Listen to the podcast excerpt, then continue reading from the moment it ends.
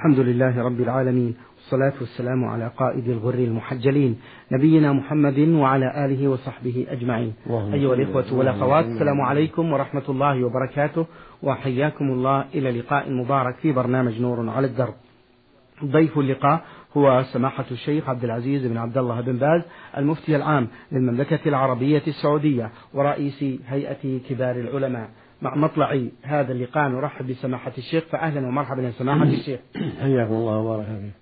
على بركة الله نبدأ هذا اللقاء بسؤال السائلة عين عين دال من جازان. تقول سماحة الشيخ تذكر بأنها لها أخ يبلغ, يبلغ من العمر 15 سنة تارك للصلاة فلا يصلي إلا إذا قام أخوه الكبير بضربه فإذا قام للصلاة لا يصليها في وقتها.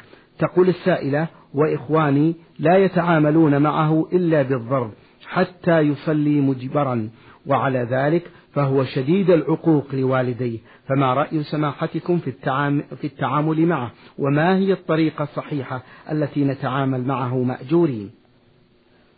بسم الله الرحمن الرحيم. الحمد لله وصلى الله وسلم على رسول الله وعلى آله وأصحابه ومن اهتدى أما بعد فما دام الرجل قد بلغ خمسة عشر سنة فقد أحسن إخوانه. في تأديبه وضربه حتى يستقيم حتى يصلي. يعني رجل مكلف الآن. فالواجب أن يستتاب يرفع أمره إلى محكمة. فإن تاب واستقام ولا استحق القتل. فالوصية أن تجتهدوا في توجيهه إلى الخير وحتى على التوبة وعلى إخوانها يجتهدوا في توجيهه الخير ونصيحته وتأديبه حتى يستقيم حتى يصلي مع المسلمين في بيوت الله. وإلا فمن ترك الصلاة كفر. واستحق القتل. فإن استقام وإلا يرفع أمره إلى المحكمة حتى تجزي في حكم, حكم الله جل وعلا. نسأل الله لنا وله الهداية. نعم. اللهم آمين. جزاكم الله خيرا سماحة الشيخ. هذا السائل محمد آه واو يقول ما العلامات التي يعرف بها الساحر والكاهن والمشعوذ؟ يعرفون بما يقولون من الكلام الباطل والأعمال الباطلة. يعرفون بدعواهم الباطلة المخالفة للشرع. هذا دليله ظاهر يعني. فيعرف المشعوذ والكاهن والرمال والمنجم والسحر والساحر بأعمالهم التي يعملونها. كل واحد يعرف بعمله. فالذي يدعي علم الغيب أو يدعي أشياء لا, لا أساس لها هذه هذه من الدلائل على أنه يستخدم الجن ويستعين بالجن أو كذاب. يكذب على الناس لأكل أموالهم. وهكذا الذي يستعمل أشياء تضر الناس. يعني ينبغي أن يرفع أمره إلى الجهة المختصة كالهيئة ولا المحكمة قد يتعاطى السحر وقد يتعاطى أشياء تضر الناس بغير علم لجهله وعدم بصيرته. أحسن الله إليكم. يقول السائل يتهاون كثير من النساء في كشف الوجه فما حكم ذلك سماحة الشيخ؟ وما الأدلة الشرعية التي تبين تغطية الوجه في هذا الأمر؟ تعلم المرأة أن الواجب عليها التستر والبعد عن السفور لأن ذلك فتنة. والدليل على ذلك قوله جل وعلا وإذا سألتمون متاعا فاسألوهن من وراء الحجاب. ذلكم أطهر لقلوبكم وقلوبهن. هذا يعم أزواج النبي وغيرهن عليه الصلاة والسلام. وقوله جل وعلا في النساء ولا يبدين زينتهن إلا لبعولتهن أو آبائهن أو آباء بعولتهن الآية. والوجه من أعظم الزينة. فالواجب على ستر بدنها إلا من من ذكر من أبيها وزوجها وأخيها وعمها وخالها نعم. يقول السائل هل شرب الدخان مكروه أو محرم وما الدليل على ذلك مأجورين؟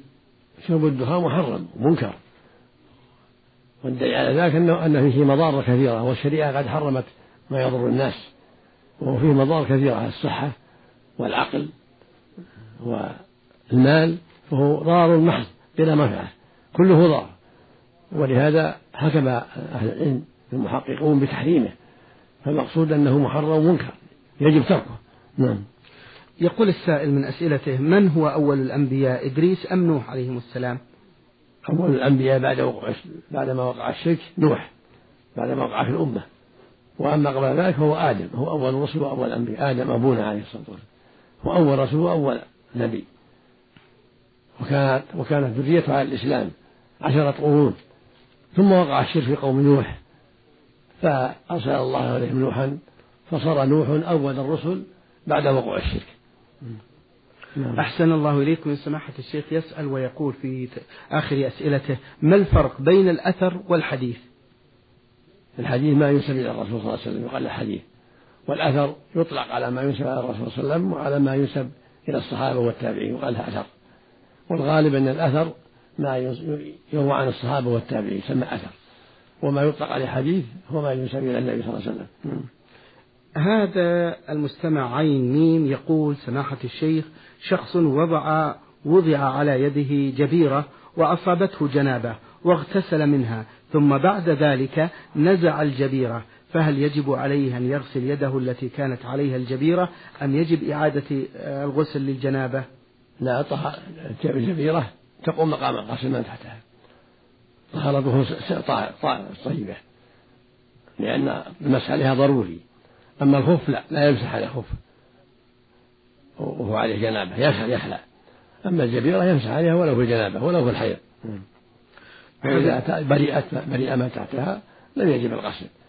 بل يتوضأ كالعادة ويغسل كالعادة في بقية أوقاته زال حكمها. نعم.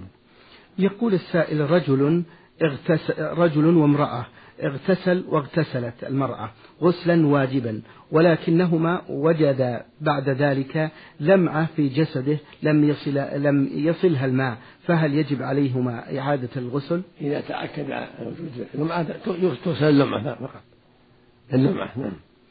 يقول أرجو من سماحة الشيخ بيان كيفية التيمم الصحيح وهل يشترط في الصعيد الطاهر أن يكون ترابا أم يكفي التيمم على الحجارة؟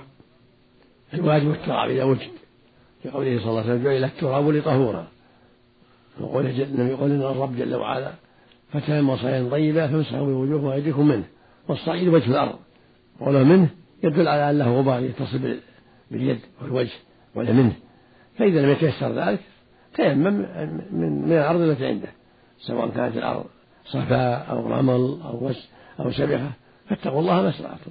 لعموم قوله صلى الله عليه وسلم جعلت الأرض مسجدا وطهورا فالأرض تعم الأرض السبخة والرمل واللات الحصى كله إذا ما تيسر التراب لا لا يكلف الله نفسا إلا وسعها. لكن إذا وجد التراب فإنه يتيمم التراب. نعم. حفظكم الله. سماحة الشيخ هذه سائلة للبرنامج تقول ما حكم قبول الهدايا من الطالبات؟ جزاكم الله خيرا.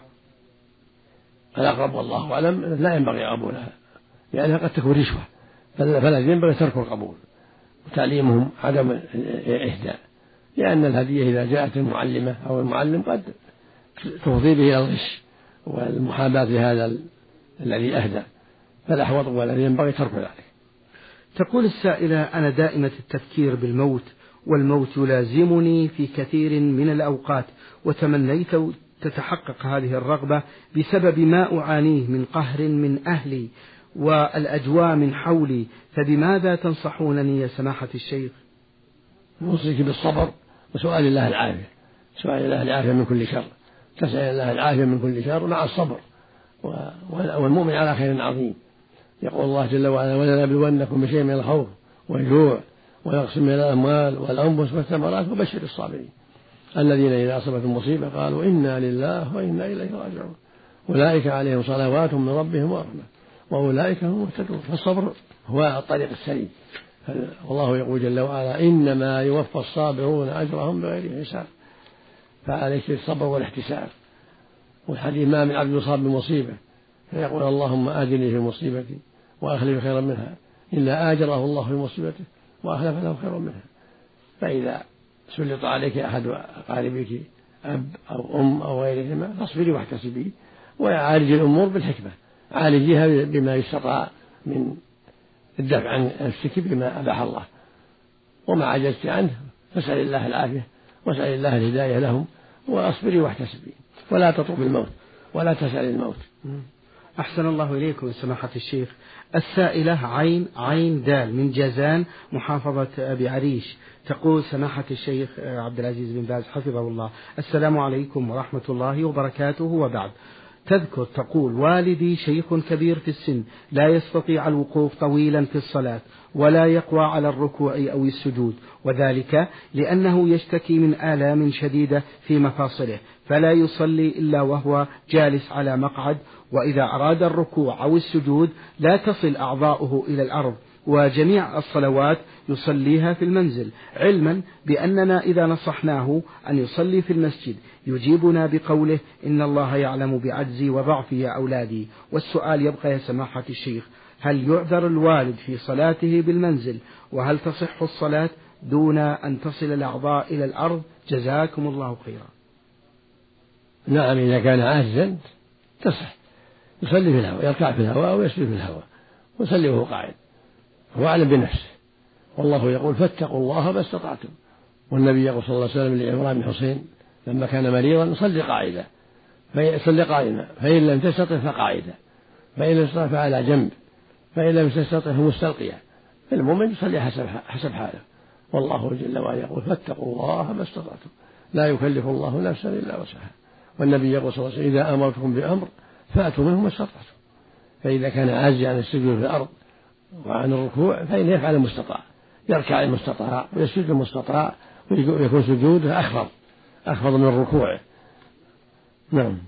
أحسن الله إليكم سماحة الشيخ. هذا سائل للبرنامج يقول ما معنى قول الرسول صلى الله عليه وسلم صنفان من أهل النار لم أرهما وذكر منهم نساء كاسيات عاريات مائلات مميلات رؤوسهن كأسلمة البخت المائلة. فسر العلماء هذا بأنهن كاسيات من نعم الله عاريات من شكرها. وفسره آخر بأنهن كاسيات ثيابا رقيقة أو قصيرة عاريات لأن الثوب القصير والرقيق ما هو كسوة. مائلات عن الحق عن العفة.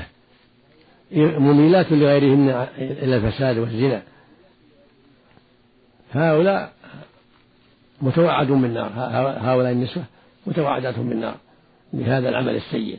كونهن كاسيات عاريات كاسيات ثيابا رقيقة أو قصيرة عاريات في الحقيقة. أو كاسيات من النعم من النعم عاريات من شكر الله بالمعاصي يعني وليهن فعلهن المعاصي.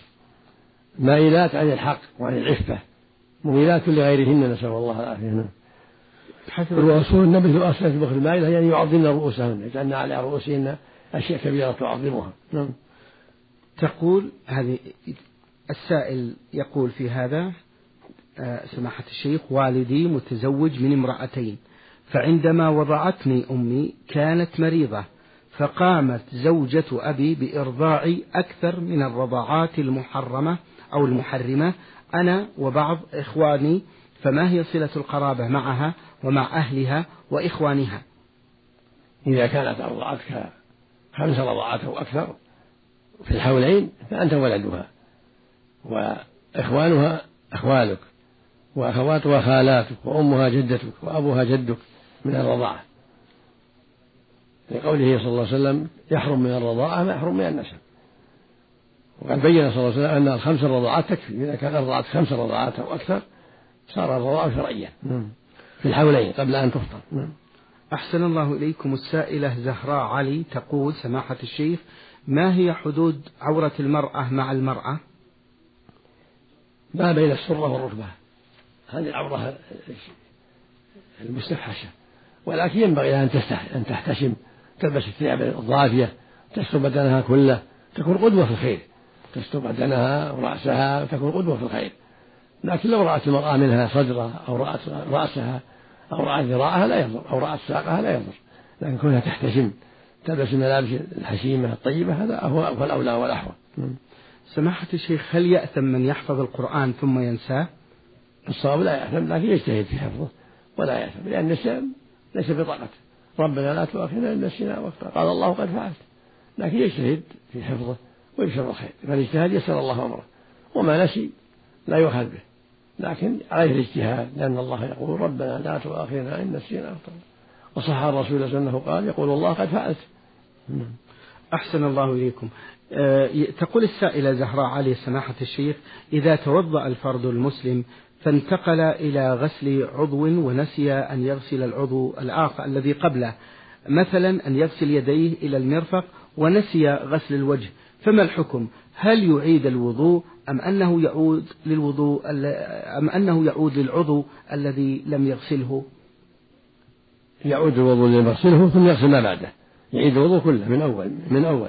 إذا ترك الوجه يبدأ يعود الوجه ثم يعود يغسل اليدين ثم يمسح رأسه ثم يغسل رجليه.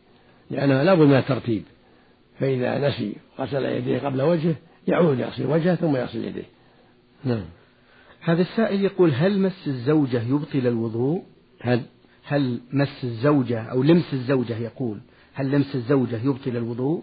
الصواب أنه لا يبطل الوضوء. لا الزوجة ولا غيرها إذا كان ما خرج شيء من الذكر من الفرج مجرد مس أو قبلة لا كان يقبل بعض النساء ثم يصلي ولا يتوضأ. أما قوله سبحانه أو لامستم النساء فالمراد به الجماع. مو باللمس المراد به لامستم جامعتم النساء. أما لمسها وتقبيلها أو مصافحتها أو ما أشبه ذلك هذا لا ينقض الوضوء مطلقا ولو عن شهوة ولو عن تلذذ. الصواب أنه لا ينقض الوضوء. هذا هو الراجح من أقوال العلماء. نعم. السائل أبو أحمد يقول يا سماحة الشيخ هل يكفي مسح بعض الرأس عند الوضوء للصلاة؟ الواجب مسحه كله كان النبي يمسحه كله عليه الصلاة والسلام. فعلينا أن نتأسى به عليه الصلاة والسلام. فالواجب مسح الرأس كله مع الأذنين يمسح داخلهما وظاهرهما. نعم.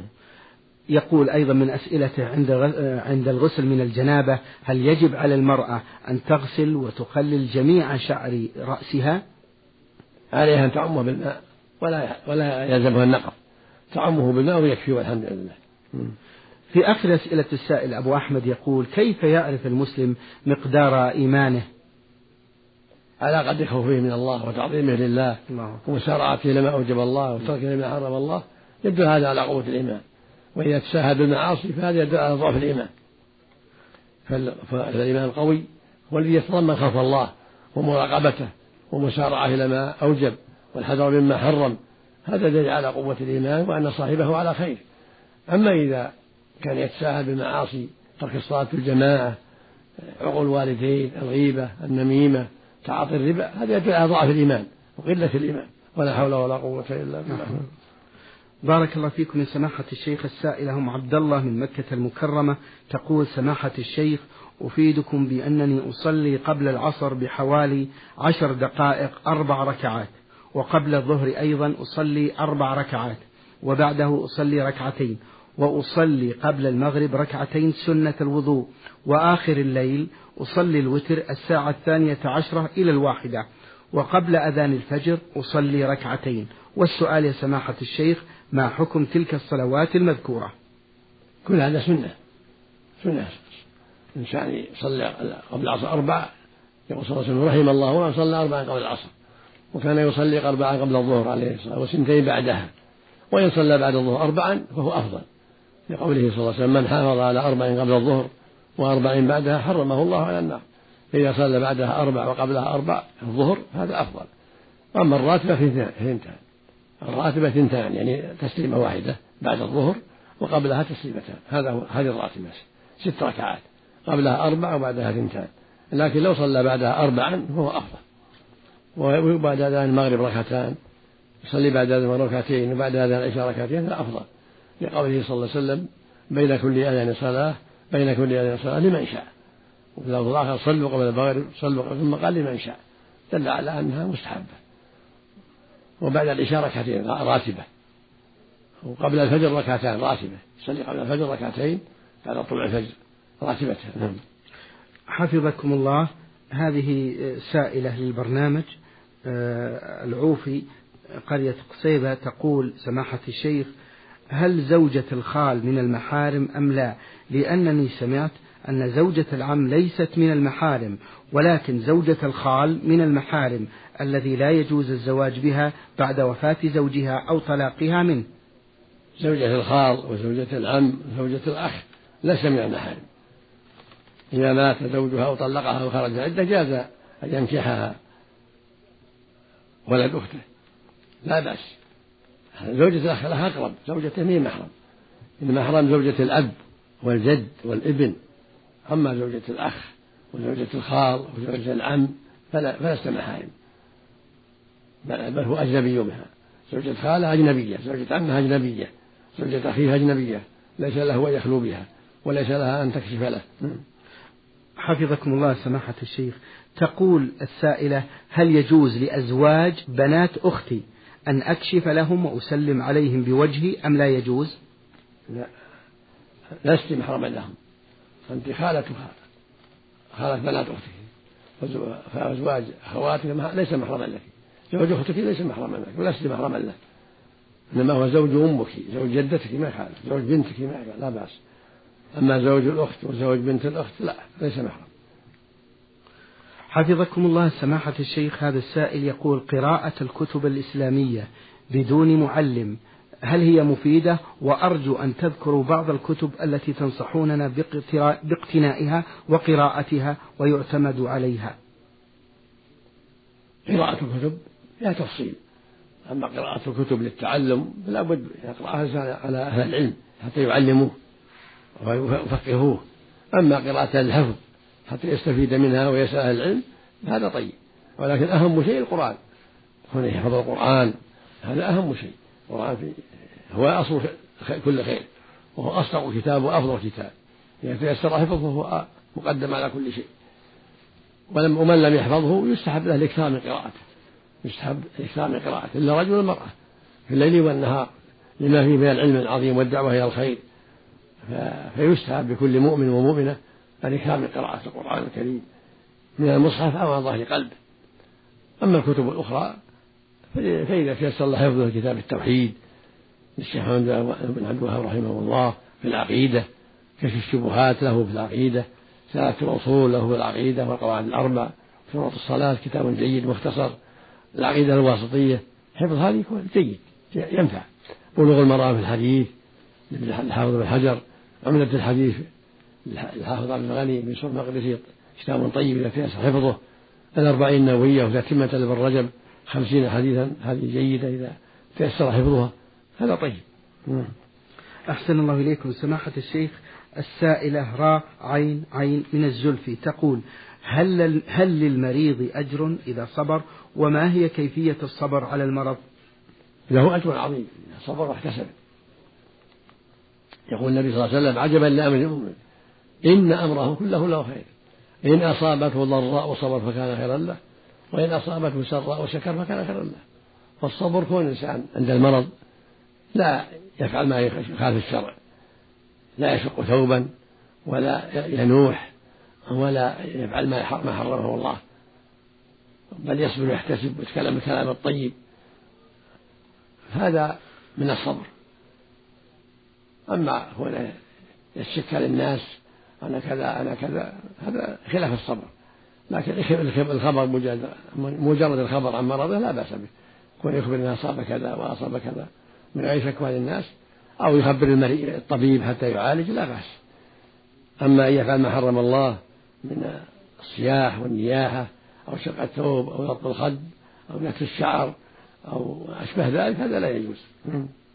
سماحة الشيخ حفظكم الله تقول السائلة هل للعين عن الحسد أنواع؟ بمعنى أنه فيه عين تضر بالمعان بشدة وعين تضر بالمعان بأضرار بسيطة؟ العين حق مثل ما قال صلى الله عليه وسلم العين حق. ولو أن شيء سبق القضاء لسبقته العين. قد تقع العين تضر بعض الناس. وليس باختيار الإنسان قد يكون عنده عندما يرى شيء يعجبه قد يصاب المعين بشيء يضره. فالإنسان يتعوذ بكلمات الله التامات من شر ما خلق صباح ومساء ثلاث مرات. هذا من أسباب الوقاية. يقول أعوذ بكلمات الله التامات من شر ما خلق. صباح ومساء ثلاث مرات. هذا من أسباب الوقاية. ويقول بسم الله الذي لا يضر مع اسمه شيء. في الأرض ولا في السماء وهو ثلاث مرات صباح ومساء. هذا من أسباب الوقاية. والعين حق. قد تصطفى الإنسان بغير اختياره. قد يرى ما يعجبه من صحة الإنسان أو كثرة ماله أو غير هذا فيحصل له أن يعينه. نعم يعني ينظره نعم. حفظكم الله تقول الأخت من الزلفي سماحة الشيخ علاج العين هل يك... نكتفي بالرقية الشرعية أم لا بد من الاغتسال من العائن؟ الرقية الشرعية علاج والاغتسال علاج. إذا تيسر من العائن يغتسل يعني لو ما اغتسل المقصود يغسل وجهه ويتمضمض ويغسل داخلة إزاره وأطراف قدمه ينفع هذا يصب على المريض. ويغتسل به المعين هذا ينفعه بإذن الله. وإن غسل وجهه وتمضمض في إناء صبها المريض نفع بإذن الله. لو ما اغتسل المقصود وأن يغسل وجهه ويتمضمض ويغسل يديه وداخلة إزاره وأطراف قدميه هذا وركبتيه هذا ينفع في علاج المعين. وقد جربنا أن غسل الوجه والمضمضة غسل اليدين بوحده يكفي بإذن الله. في إزالة العين. فإذا اتهم إنسان بهذا وغسل وجهه ويديه وتمضمض في إناء ثم صب على المريض يبرأ بإذن الله. حفظكم الله سماحة الشيخ. هل يجوز الدعاء على مثل هذا العائن؟ وهل إذا دعي عليه يكون ذلك من الاحتجاج في القضاء والقدر؟ يعني يقول اللهم اغفر شره. اللهم اغفر شر كل ذي شر لأن العين ليس باختياره. قد ينظر بغير اختياره. ما هو برغبته فيقول اللهم اغفر لي شر كل ذي شر والإنسان إذا خاف من عينه يقول اللهم بارك في فلان. يبرك ما شاء الله لا قوة إلا بالله حتى تطرأ العين. نفسه إذا كان يخاف من عينه يقول بارك الله في فلان. ما شاء الله كان يرى شيء يعجبه. اللهم بارك فيه. هذا من أسباب السلامة. حفظكم الله يا سماحة الشيخ. هل الإصابة بالمرض كالعين مثلا وغير ذلك يا سماحة الشيخ؟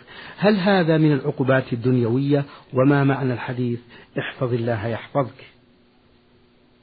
قد يقع هذا عقوبة وقد يقع ابتلاء وامتحان. ليرفع الله درجاته. قال جل وعلا ما أصاب مصيبة ما أصاب مصيبة في الأرض ولا في الكفر وما أصاب مصيبة فيما كسبت أيديكم. فمما كسبت أيديكم ويعفو عن كثير. هذا كثير يقع بسبب كسب اليد قد يفعل أشياء تسبب المصيبة وقد تنزل المصيبة لحكمة بالغة كما يقع للأنبياء وغير الأنبياء ليرفع الله درجاتهم ويعظم أجورهم سبحانه وتعالى. سبحانه وتعالى. ولهذا يقول صلى الله عليه وسلم عجبا لأمر المؤمن إن أمره كله له خير. إن أصابته ضراء وصبر فكان خيرا له وإن أصابته أصابته شر أو شكر فكان خيرا له. وفي الحديث ما يريد الله به خيرا يصم منه. اللهم صل على اللهم صل وسلم.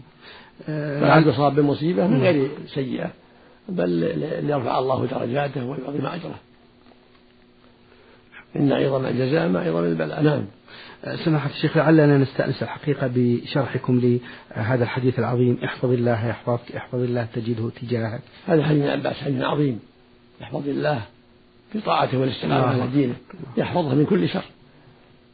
الله تجده تجاهك يعني أمامك إذا سألت فاسأل الله وإذا استعنت فاستعن بالله. هذا مشروع المؤمن أن يعتني بهذا وأن يحفظ حدود الله ومحارمه وأن يؤدي الواجبات وأن يحفظ كل ما نهى الله عنه.